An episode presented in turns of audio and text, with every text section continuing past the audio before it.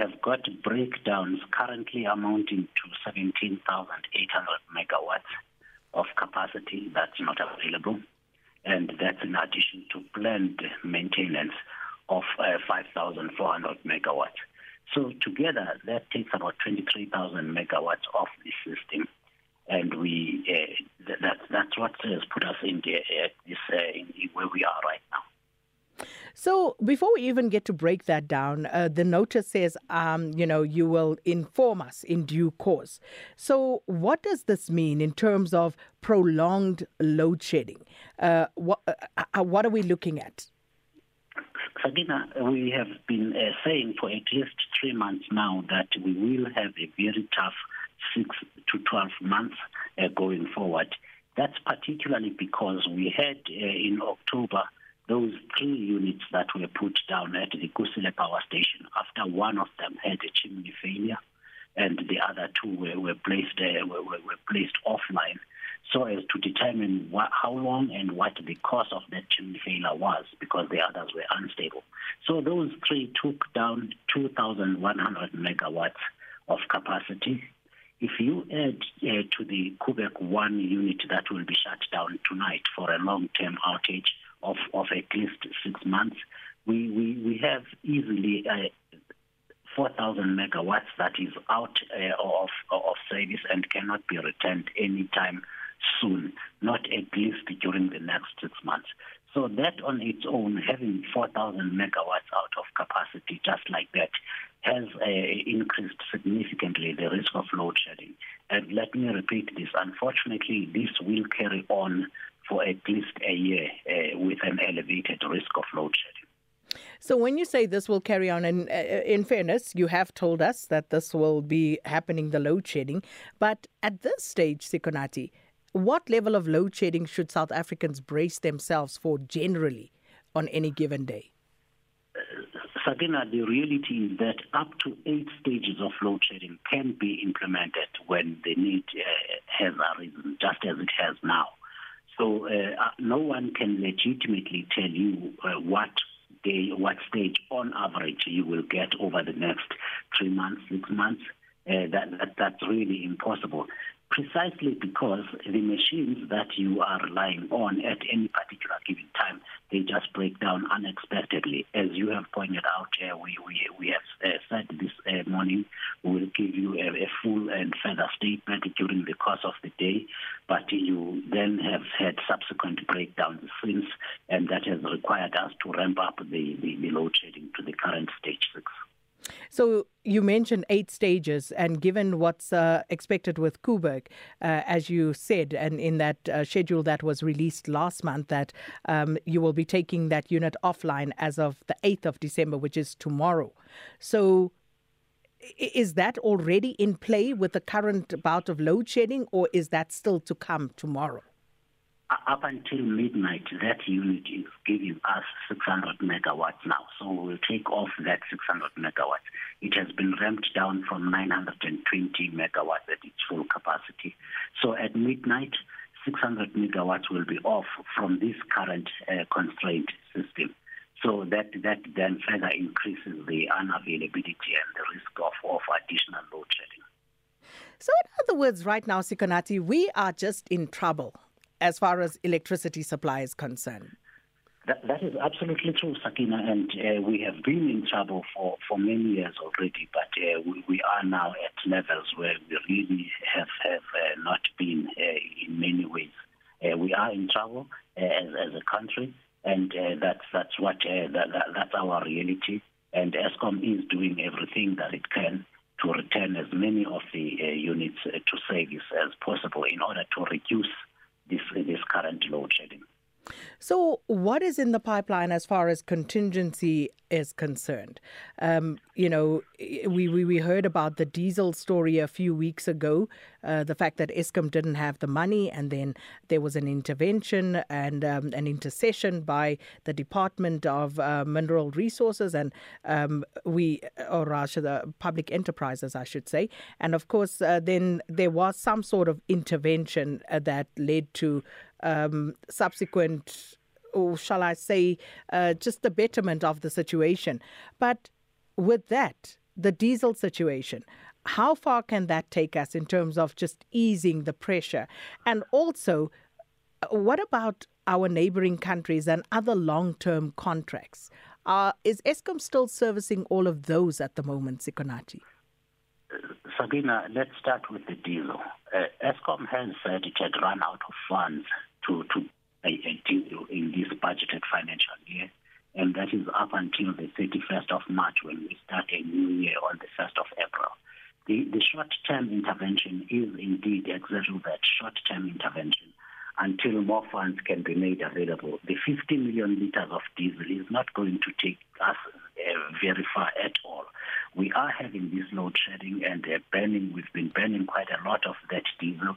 So we probably are left with a week or two of, of, of that diesel. And then again, uh, we will be at that point where we were it has cushioned us so far, but uh, you, you, would be forgiven to have to not have noticed that we, we, we, had a bit of a cushion as a result of that diesel. Uh, if we didn't have, for example, we've been burning seven uh, OCGTs uh, throughout uh, the day and, and night today. Uh, that, that that's responsible for, for, for one and a half stage of load shedding.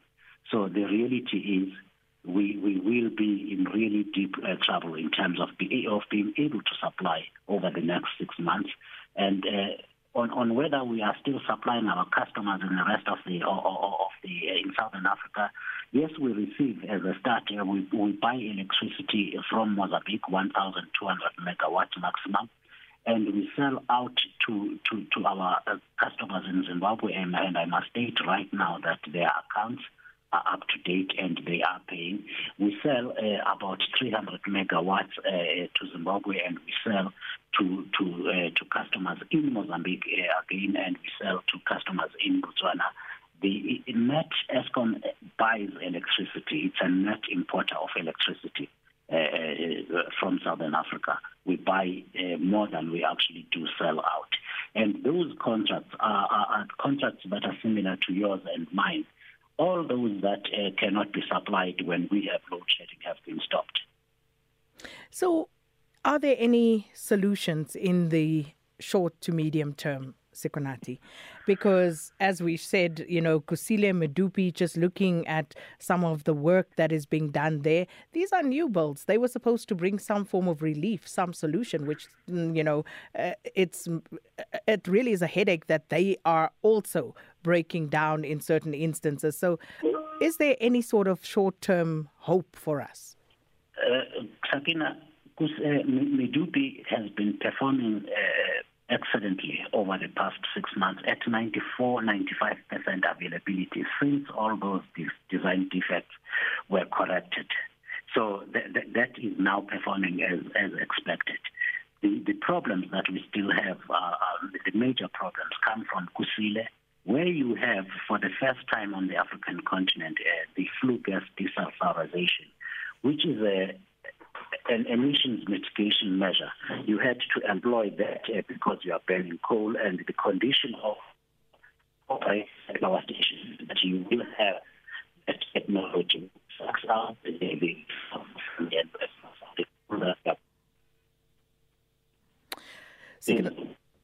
Sikonathi, just uh, losing the signal there. So uh, let's just see if we can maybe move around, uh, see if we can get you back. And as we try to round this up, because I think that's the other thing that comes with load shedding and the inclement weather and all of this uh, signal problems. I hope you can hear me now, Sakina. I can hear you now. Thank you. The, the major problem with Kusile is exactly the technology that has been that was built into the station in order to clean the, the emissions, the environment there, that is responsible for all of these problems, the breakdowns that we are talking about, including the chimney that, that, that, that I discussed earlier. So once those defects, unfortunately, uh, will, will take a few months, as I have said, uh, once those are, are, sorted out, it will then uh, uh perform like Medupi does at about 95% capacity. However, there will be quite a lot of pain before we get to that level.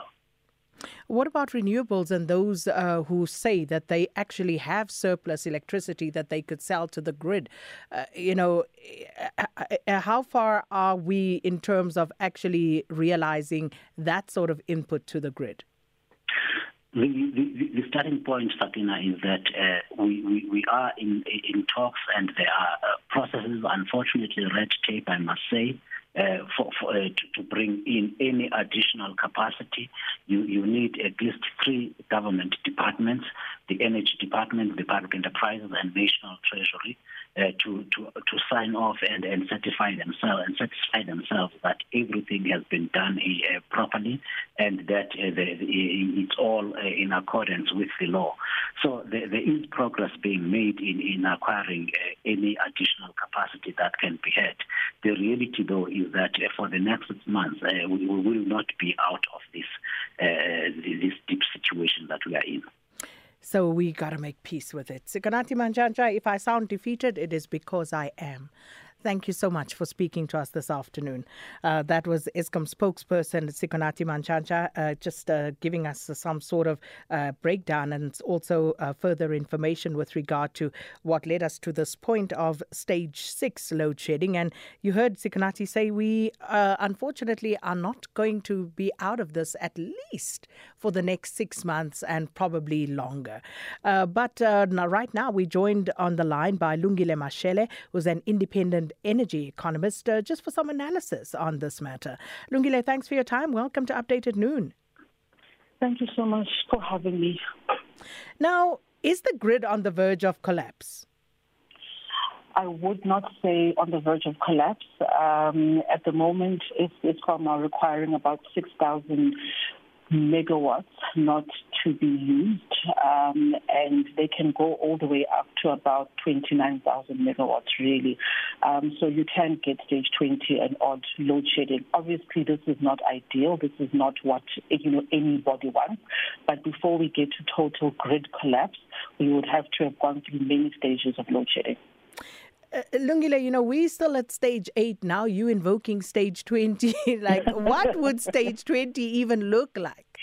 I don't even want to know either. But um, I think it was this week in Zimbabwe, ZESA, which is their utility, people are going for 18 hours a day without load, with, with load shedding, sorry. So they get their lights switched off at 10 p.m. They get their lights switched on at 10 p.m. and switched off at 4 a.m. So perhaps that is an indication of worst case scenario as well. Sure.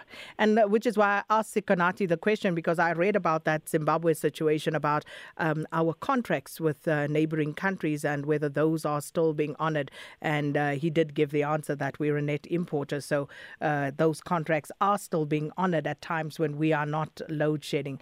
But what are the solutions here? Because, you know, Eskom has just had a new board appointed two months ago. Uh, we are told mm-hmm. to have faith in uh, the leadership at Eskom. But how it's difficult to have faith when things continue to deteriorate. Sakina, you know, we, we need to be very honest with ourselves and say that we had the previous board, the new board came in in September, and they said to us they are investigating, they're going to publish a report to tell us exactly what is wrong at, at Eskom and how to fix it. I think we need to start calling for that report urgently and remedial action to be taken.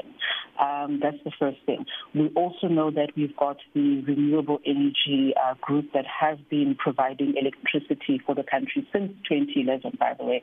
So some of the very first plants have been online for 10 years. Um, and we need to have a conversation about what is capacity and what is energy. With the renewable energy companies, we're procuring capacity. So when they say 100 megawatts, ultimately that's not 100 megawatts of energy. That's probably 25 megawatts of energy. What South Africa requires is firm capacity, is base load, and on any given day, we need about 30,000 megawatts of base load capacity. Anything over and above that is what we would call our mid-merit as our peaking, our you know additional, but we certainly cannot run an economy and a country on renewable energy. And to place all this burden on the renewable energy um, companies is also uh, you know, a bit silly, honestly. Eskom needs to take their share of the blame for what has been happening. And I suppose, uh, Lungile, this is part of the difficulty because uh, not only are we faced with a serious crisis because we failed to plan as a country for uh, a time like this, but also we, we, we are now seeing this thing being used as a, politi- a political football. Uh, you know, people are using this to score points against uh, political opponents one way or another. And in the meanwhile, there's you and I. We are not involved in those political battles. All we want is to have the lights on. Absolutely, Sakina. So right now, Eskom is saying that they need 6,000 megawatts reduction in demand so that we do not have a blackout. Um, the 6,000 has to come from you and I. So it means that from 12 o'clock today, we will be having load shedding for most people in four-hour increments.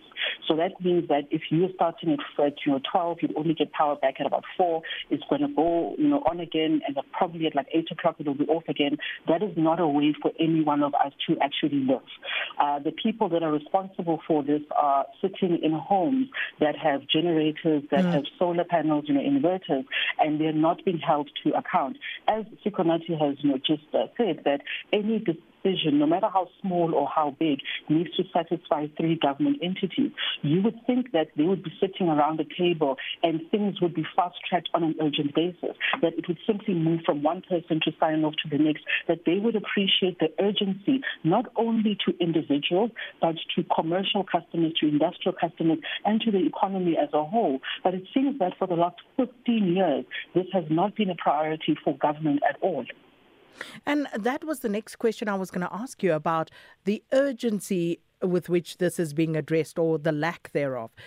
At what point do these government officials sit down and say this is a crisis? Uh, uh you know, and, and, and I know, you know, this is not for uh, your consideration. You certainly don't sit in those uh, uh chambers and around those no, tables. but you would think that at this point, Lungile, they would have declared a crisis and actually done something about the crisis. But as you rightly point out, they are not as affected as you and I. Those people who can actually go and buy a generator, you know, buy a system and, and, and keep the lights on, are removed from this. It leaves the rest of South Africa to sit and cry in their hands to people who actually don't understand what they're going through. Sakina, this was a crisis that they should have solved not even 15 years ago, but 22 years ago when Eskom at the time, 1997, told them that we're going to load shed. We need a plan immediately. And instead, we've had incidents of the new build going you know, wrong. We've had corruption even on the new build. Even now, we are experiencing a number of know, issues. Um, and government is just not bothered. You know, I have worked in other countries where they had load shedding, whether it's in Zambia, in Ghana, Mozambique. I don't even want to talk about internet, just African countries. And their sense of urgency is heightened because they realize the impact electricity has on their economy and on their ability to actually grow. I've had numerous engagements with colleagues all over the world, and they keep asking why are South Africans so you know so okay with this situation? Why are you fighting back? Because if Germany or the UK had one day of load shedding. The very next morning, the president resigned. And quite frankly, I'm also embarrassed that it's been 15 years of this crisis and nobody is calling for heads to roll. Hmm. And I suppose at this point, uh, people are just feeling powerless, not knowing what to do, Lungile. But thank you so much uh, for breaking that down for us. Lungile Mashele is an independent energy economist.